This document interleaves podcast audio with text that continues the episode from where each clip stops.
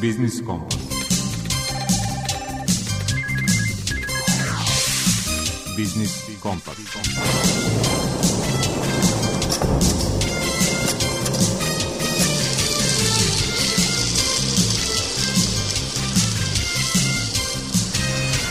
Pred mikrofonom je Đuro Vukelić. Dobar dan poštovani slušalci. I ovog utorka smo uz Biznis Kompas i niz tema i sagovornika koji će, verujem, zadržati vašu pažnju i u narednih 50 minuta. Ukratko o sadržaju. U rubrici Aktuelno predsjednik Udruženja građevinskih inženjera Srbije Živojin Vujanović iznosi zamerke na račun zakona o planiranju i izgradnji. Milijarde evra se ulažu ili će tek biti uloženi u modernizaciju srpske železnice. O aktualnim projektima na teritoriji Vojvodine u rubrici iz mog ugla govori profesor sa Fakulteta tehničkih nauka u Novom Sadu Gordan Stojić.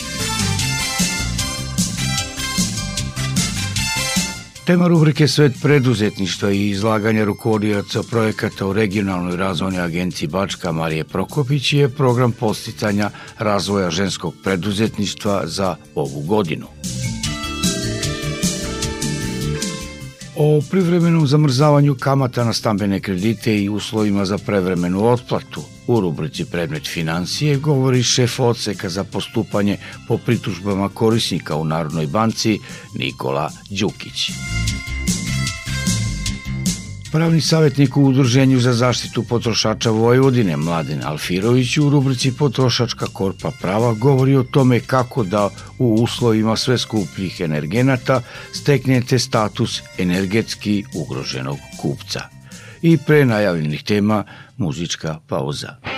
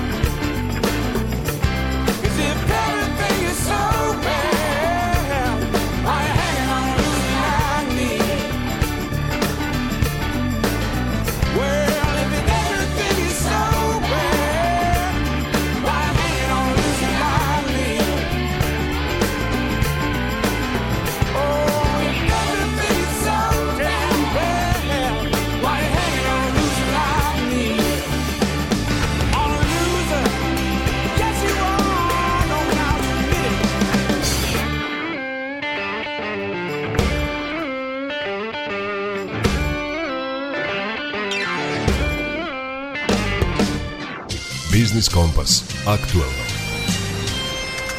Jedna od najvažnijih odlika zakona o planiranju i izgradnji čije su izmene nedavno usvojili poslanici u Skupštini Srbije su transparentnost i veća odgovornost izdavaoca građanskih dozvola da ih izdaju na vreme, ocenili su predlagači.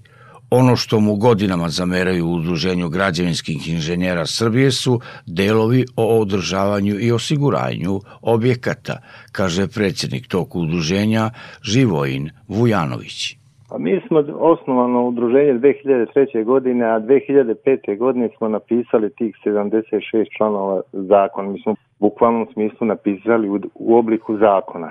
Mi smo uočili probleme, ponudili rešenje i svakoj vladi, znači 2005. godine i tadašnjoj vladi, i prilikom promjene svake vlade to smo slali tih 76 članova zakona. Ovoga puta smo rešili da izdvojimo određena rešenja, pa smo napisali predlog izmjena zakona o planiranju izgradnji u delu nadzora i u delu održavanja objekata, gdje smo dodali i, ajde kažemo, osiguranje objekata, jer taj smo problem uočili kao veliki problem, ili kad izbije požar u nekoj zgradi, obično se unište 4-5 stanova, možda i više, i nastaje problem ko će to platiti.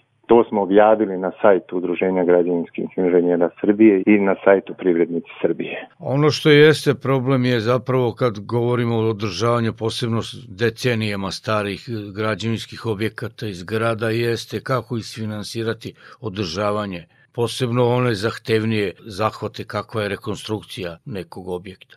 Svako je vlasnik tog dela stana i ti naši stari objekti, znači fasade se ne održavaju već unazad 50-60 godina i ni jedna vlada to nije uočila kao problem, nije ponudila rešenje kako to treba da se uradi. Mi smo ponudili rešenje tako da je svaki vlasnik obavezan da svoj objekat drži u tehnički ispravnom i vizualnom lepom i energetski efikasnom stanju objekat. Ukoliko to on neće da uradi iz bilo kojih razloga, onda je to obavezno da uradi lokalna samouprava o trošku vlasnika objekta ako on neće to da plati kad se taj posao uradi, onda taj trošak koji je nastao popravkom recimo te fasade, onaj nadležni organ izdaje rešenje katastru i stavlja se teret na dotični objekat u tom iznosu. I kad bude se taj objekat prodavao, nasleđivao ili kako god hoćeš, u tom slučaju će se morati to platiti. Mi imamo logiku da je svako obavezan svoj stan da održava. Prvenstveno je važno da ne dolazi se do te situacije da nam recimo građani uopšte nisu krivi, a da nam stradaju ili povređuju se od padanja fasada. Ti problemi će biti sve veći, jer su objekti sve stariji.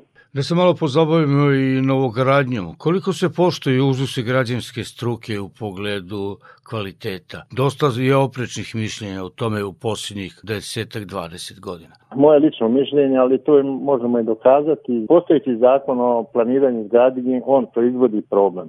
Kod građevinarstva je osnovni problem nadzor, odnosno kontrola izvođenja radova.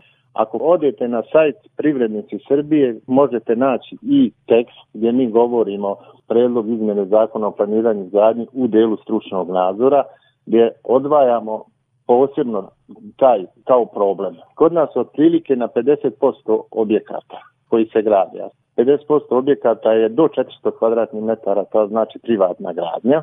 Na tim objektima po zakonu nije obavezno imati nadzornog organa, nije obavezno imati odgovorno lice za izvođenje građevinskih radova. I tu ima svega i svačega. U drugih 50% objekata gdje postoji nadzorni organ, opet je postavljeno jedno nelogično rešenje koje je ostalo iz doba socijalizma, gdje investitor angažuje nadzornog organa i šta se dešava? Kad je odgovoran nadzorni organ, i on počne da poštuje pravila struke i počne stvarno da kontroliše izvođenje građevinskih radova, onda izvođač radova u saradnji sa investitorom daju otkaz tom nadzornog organa i nađu nekoga ko neće to, hajde kažemo, odgovorno vršiti kontrolu.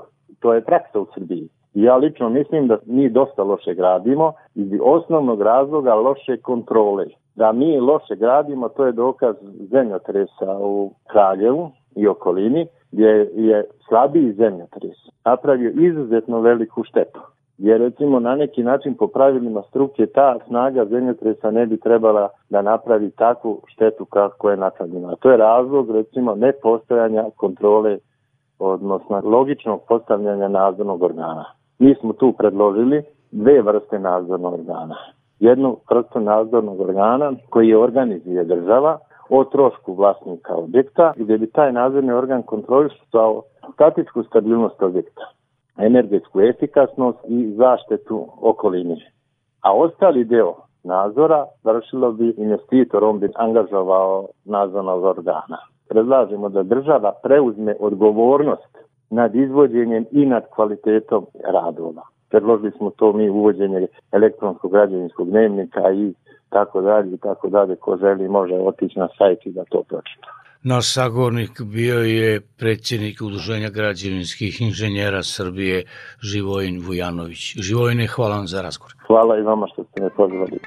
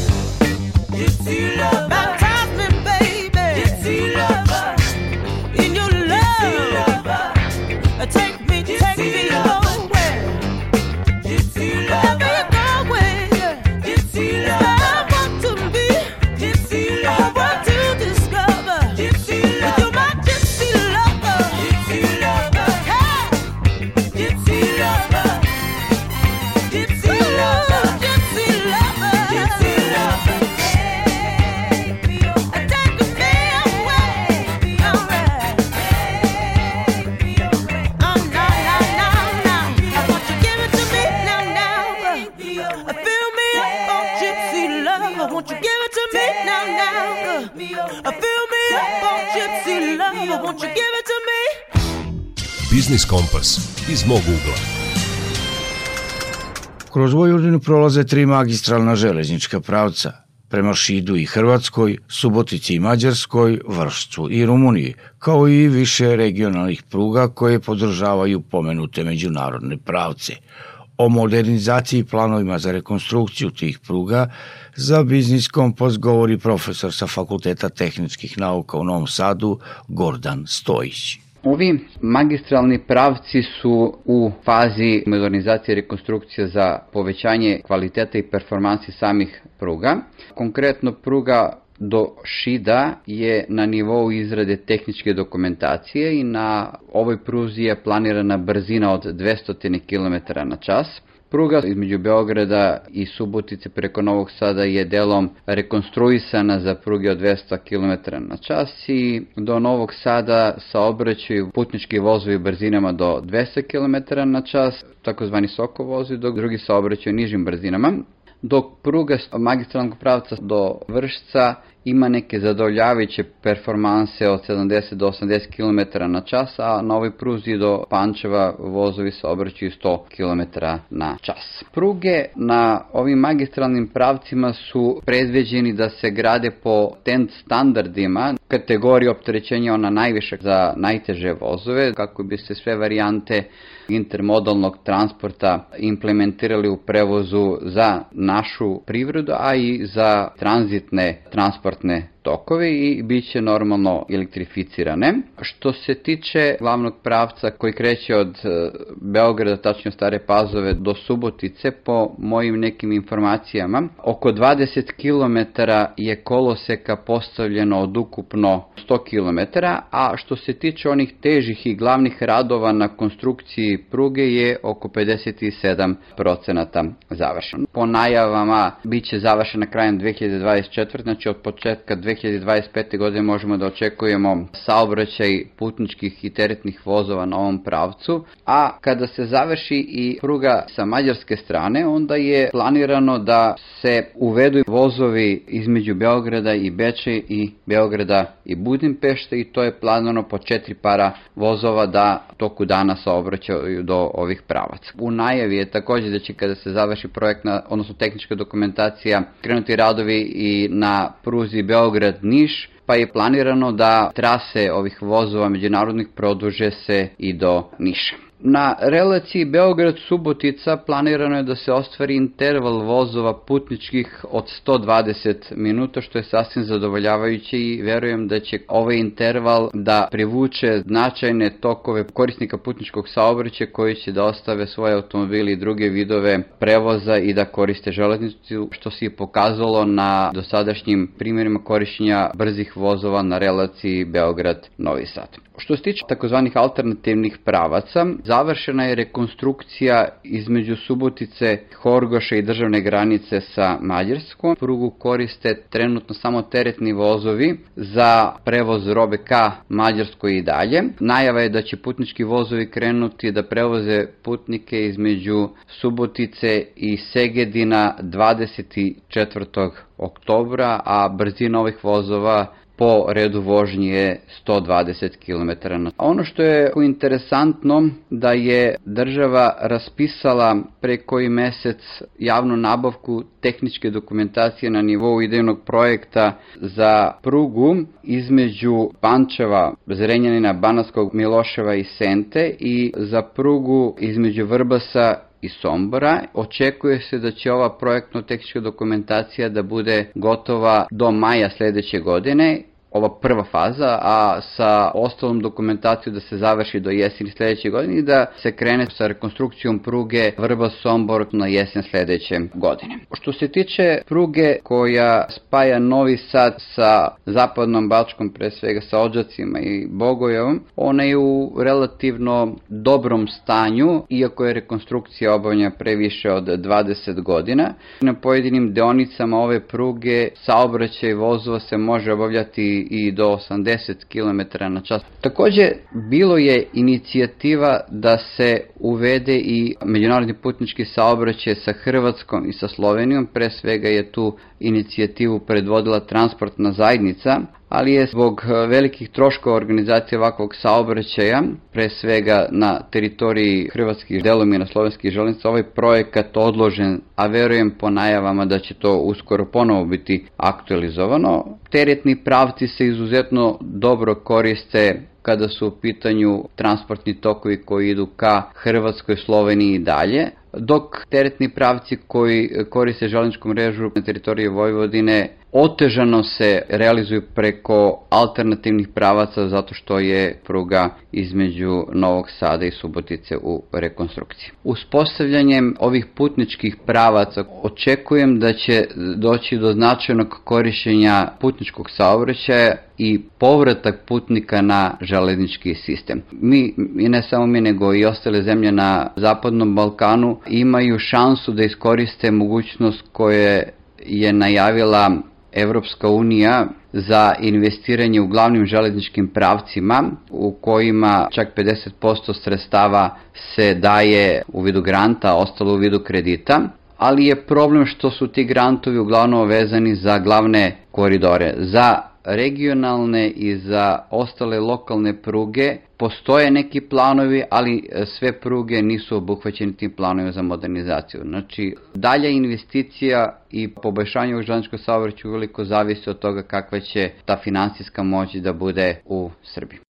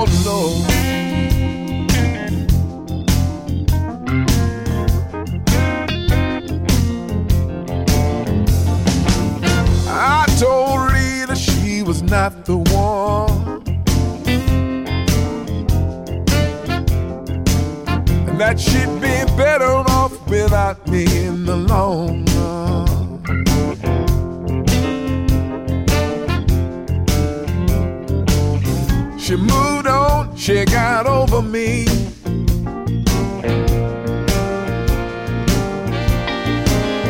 Yeah, but now I'm the one with the misery. And it hurts, babe. I was a fool, I was out of whack. But you know what I would do if she would take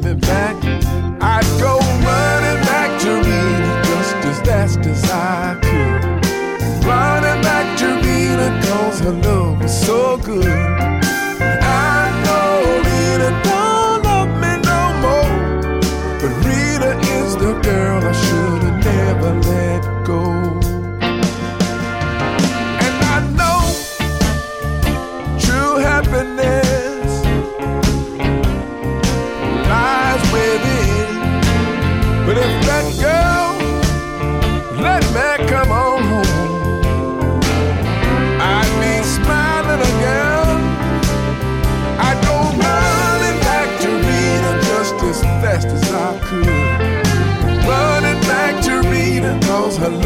so blue. I know Rita don't love me no more, but Rita is the girl I should have never met. I'd go running back to Rita just as fast as I could, running back to Rita 'cause her love was so.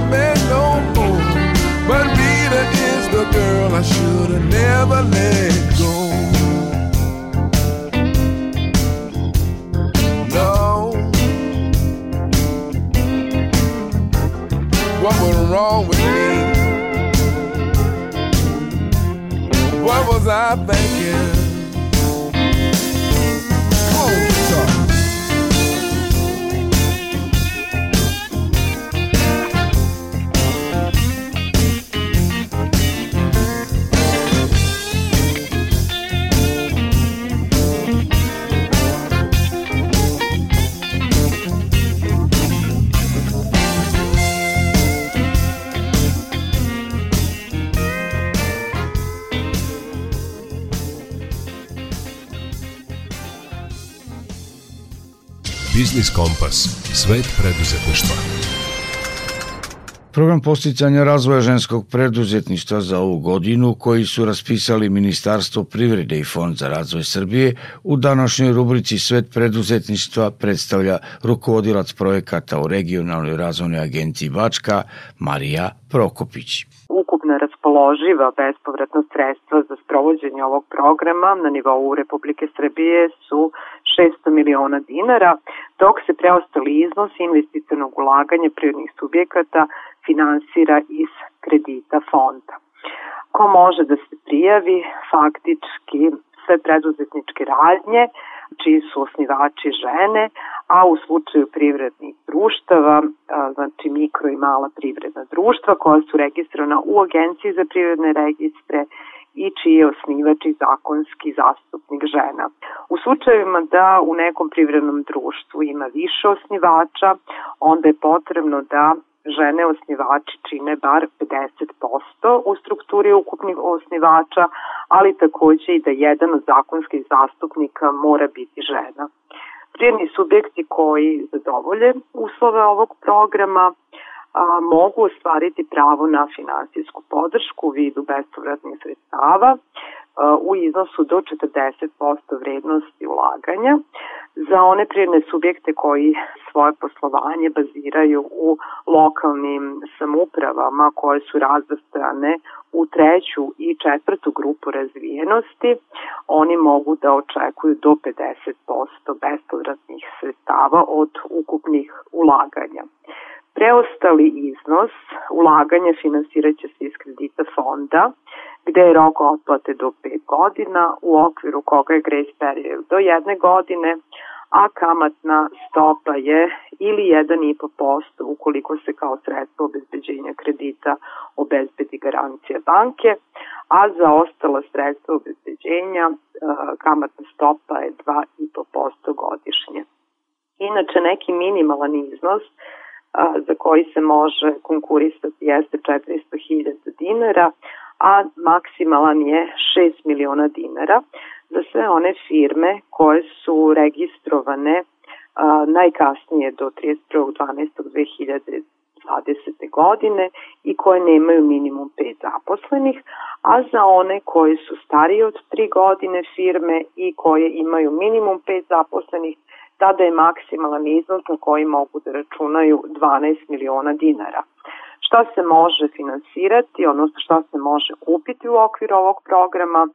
Mašine, oprema, alati, takođe nova računarska oprema, softver i vozila. E, što se tiče vozila, moraju isključivo ona koja služe za prevoz sobstvenih proizvoda, repromaterijala i sirovina, kao i drugih transportnih sredstava koji su uključeni u proces proizvodnje i pružanja usluga. Isto tako može se konkurisati za tekuće održavanje ili adaptaciju poslovnog ili proizvodnog prostora i to za iznos do milion dinara. Zatim za kupovinu poslovnog prostora, to je za one subjekte koje posluju više od 3 godine i koji imaju više od 5 zaposlenih, A, takođe operativni troškovi, oni mogu da učestvuju najviše do 20% u strukturi ukupnog ulaganja. Inače, za pomoć u vidu informacije, pripreme dokumentacije poslovnog plana, prirodni subjekti se mogu obratiti akreditovanim regionalnim razvojnim agencijama.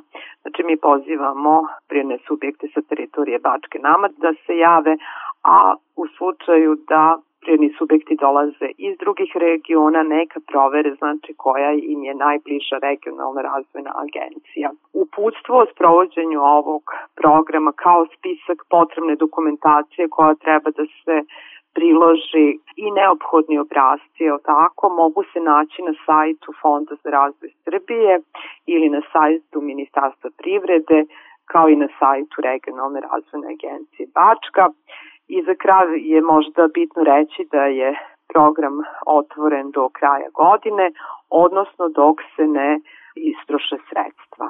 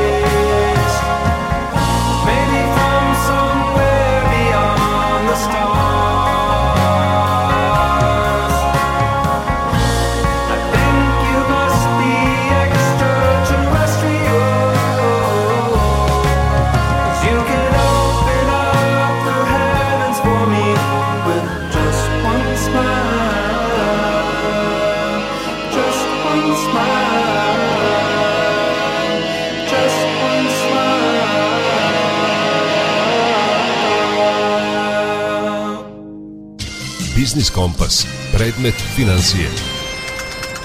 Zamrzavanje kamata na stambene kredite koje je preduzela Narodna banka Srbije privukla je veliku pažnju javnosti, posebno korisnika opterećenih svakomesečnim povećanjem rata kredita. Koji i pod kojim uslovima će se okoristiti ovom privremenom merom, u rubrici Predmet financije objašnjava šef odseka za postupanje po pritužbama korisnika u Narodnoj banci Nikola Đukić. I ova odluka je doneta kako bi se zaštitili korisnici finanskih usluga i očuvala i jačala stabilnost finanskog sistema.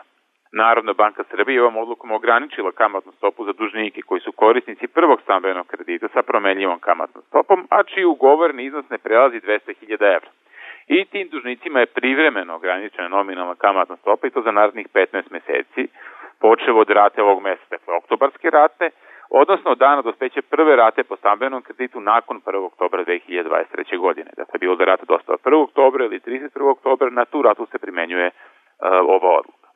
Nakon isteka ovog perioda od 15 meseci, banka neće imati pravo da od dužnika potražuje razliku u kamati usled primjene ove odluke. Kada kažemo prvi stambeni kredit, pod njim podrazumevamo stambeni kredit ako taj korisnik ima trenutno više stambenih kredita u jednoj banci.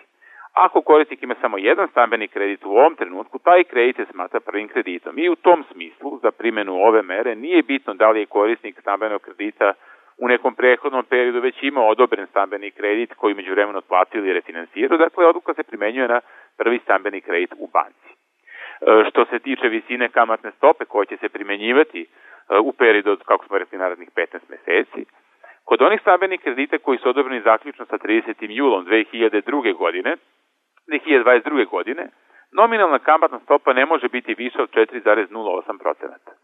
To znači da će tim dužnicima biti umanjena rata kredita od 10% do više od 25%. Konkretno na jednom primjeru možemo vidjeti efekat primjene ove odluke. Ako je korisnik odobren kredit 1. decembra 2021. godine u iznosu od 100.000 evra sa nominalnom kamatnom stopom od šestomesečnog Euribera plus 3%, i to je urađeno na periodu 25 godina, dakle rok otplate je 25 godina, efekti primjene ograničenja kamate na nivo od 4,08% ogleda se u tome što će njegova rata umesto 694 evra sada iznositi 532 evra. Dakle, za 162 evra manji iznos svakog meseca. Kod stambenih kredita koji su odobreni od 31. jula 2022. godine do dana stupanja na snagu odluke, a čije je kamata bila inicijalno veća od 4,08%, Korisnici će zaključno sa decembrom 2024. godine plaćati umanjenu ratu kredita sa kamatom iz prvobitnog plana otplate. Navedeno znači da su i ovi dužnici zaštićeni dalje rasta cene kredita, iako su okolnosti u kojima su se ovi građani zadužili već pomalo jasno ukazivale na mogući rast, dalji rast Euribora. Važno je da naglasimo da se kamatna stopa ograničava samo u smislu njenog daljeg rasta, dok će banki u slučaju dođe do snižavanja promenljivih kamatnih stopa biti u obavezi da usklade iznos rate u skladu sa zaključenim ugovorom o stambenom kreditu. Oni korisnici koji sada imaju nameru da podnesu zahtev za odobrenje stambenog kredita treba da znaju da se ograničenje kamata primenjuje i na njih. I to tako što je u periodu primjene ove odluke banka dužna da fiksni deo nominalne kamatne stope, odnosno maržu banke, utvrdi u procentu koji nije više od 1,1 procenata, i to do 31. decembra 2024. godine, a nakon tog perioda u procentu koji bude utvrđen ugovorom o tom kreditu, dok kod stambenih kredita sa fiksnom kamatnom stopom banka može da odobri stambeni kredit uz nominalnu kamatnu stopu do 5,03%. Dodatno potrebno je naglasiti još jedan pozitivan efekt ove odluke na građane koji otplaćuju stambeni kredit. Svi korisnici stambenih kredita, tu uključuju korisnike sa fiksnom kamatnom stopom, mogu prevremeno da otplate kredit bez obaveze da plaćaju naknadu za prevremenu otplatu, koja je kod kredita zaključenih nakon 5. decembra uh, u visini do 1%, ali kod kredita koji su zaključeni pre tog datuma često je ugovorena i u znatno većem procentu. Dakle, ovim privremenim merama Narodna banka Srbije delovala preventivno i odgovorno u cilju zaštite građana u neizvesnim okolnostima promenljivih kamatnih stopa, ali i u cilju očuvanja stabilnosti finanskog sektora. Hey!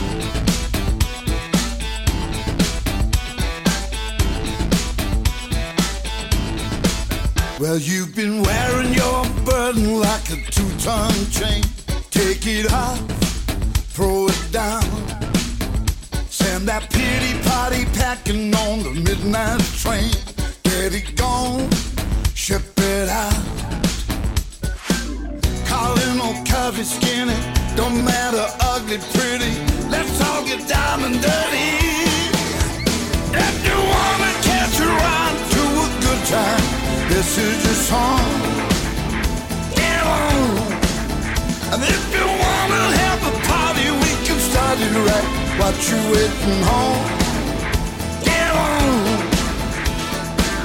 Don't let it slip away.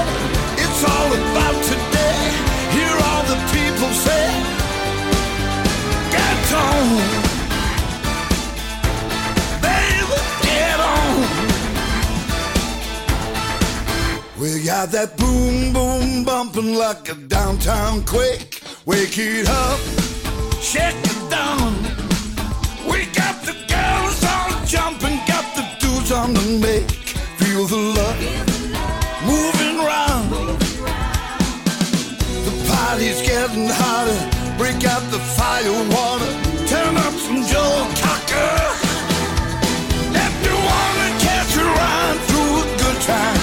This is your song. Get on. And if you wanna have a party, we can start it right. What you waiting home? Get on. Don't let it slip away. It's all about today. Hear all the people say. Ah, is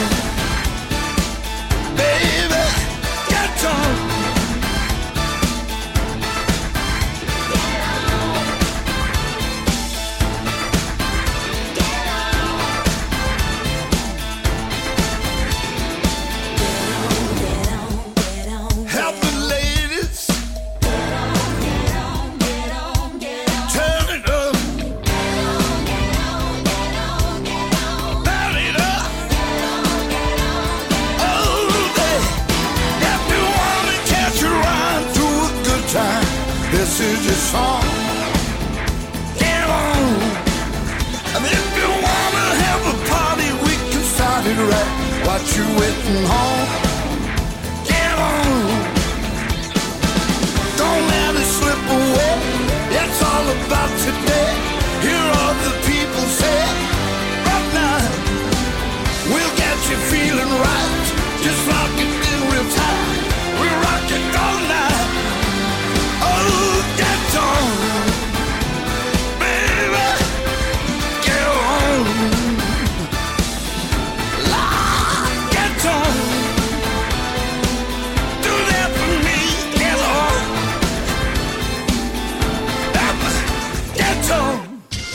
Kompas, potrošačka korpa prava.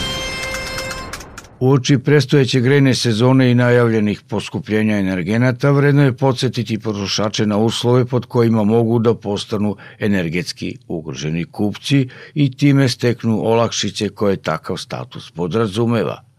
O tome govori pravni savjetnik u Udruženju za zaštitu potrošača Vojvodine Mladen Alfirović.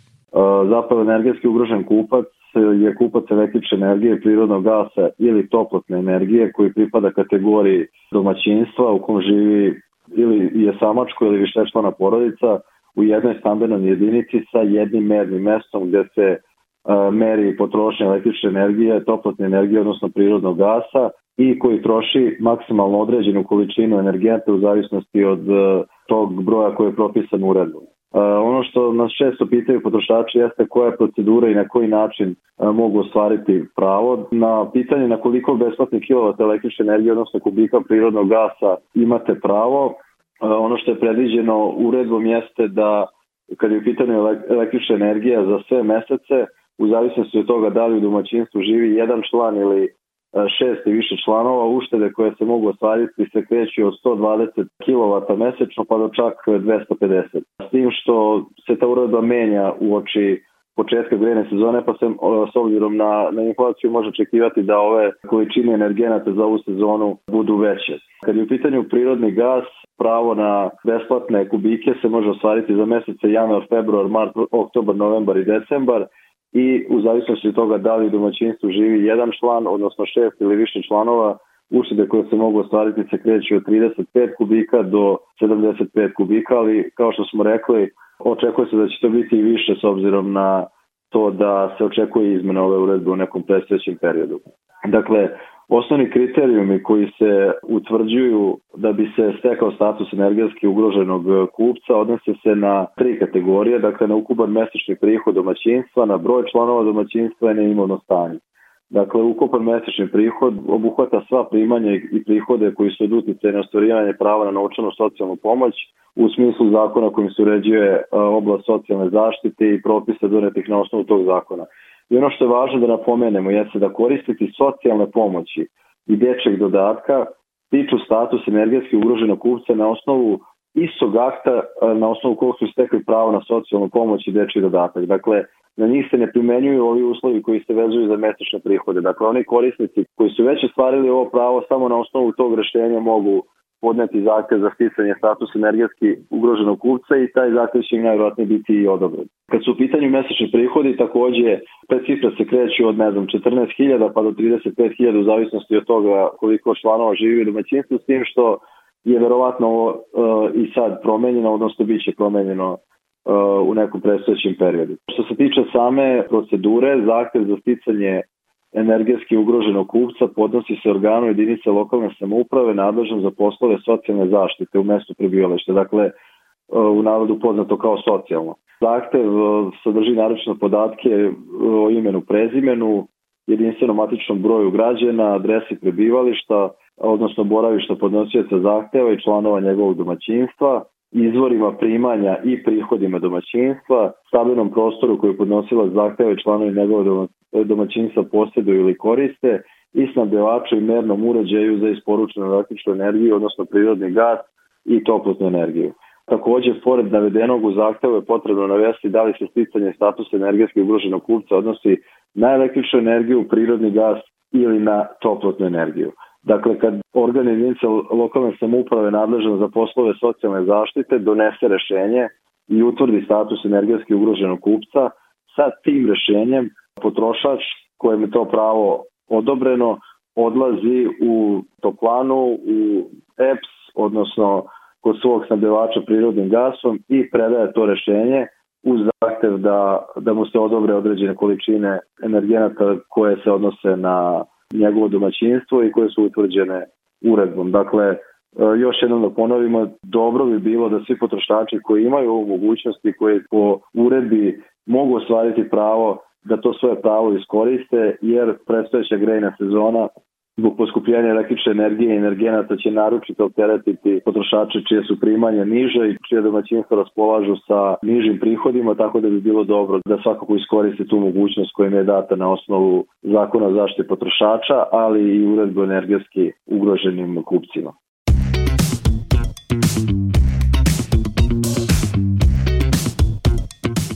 Toliko za ovo popodne uz Biznis Kompas. Današnju, kao i sve prethodne emisije, možete da preslušate i na internet stranici Radio Televizije Vojvodine podcastu Odloženo slušanje. Do idućeg utorka u isto vreme pozdrav od tima koji čine muzički urednik Zoran Gajinov, ton majstor Tomislav Tomov i urednik emisije Đuro Vokerić. Zdravi bili i čuvajte se.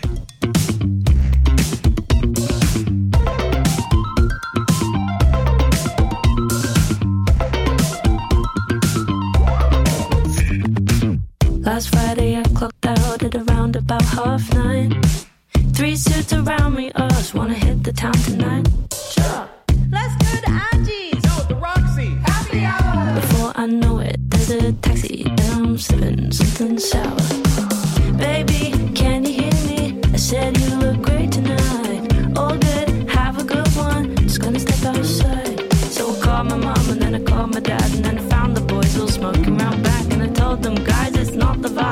Right.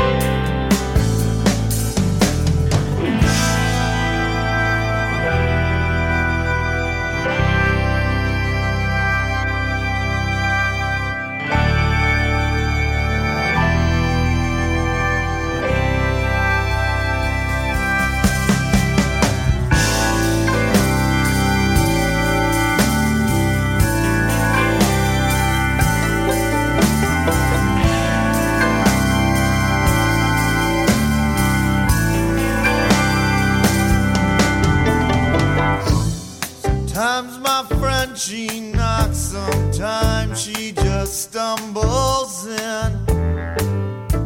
She'll tell a joke or two, then she waits. Sometimes we laugh, sometimes we try. We don't feel a thing. Climb the walls for a better view.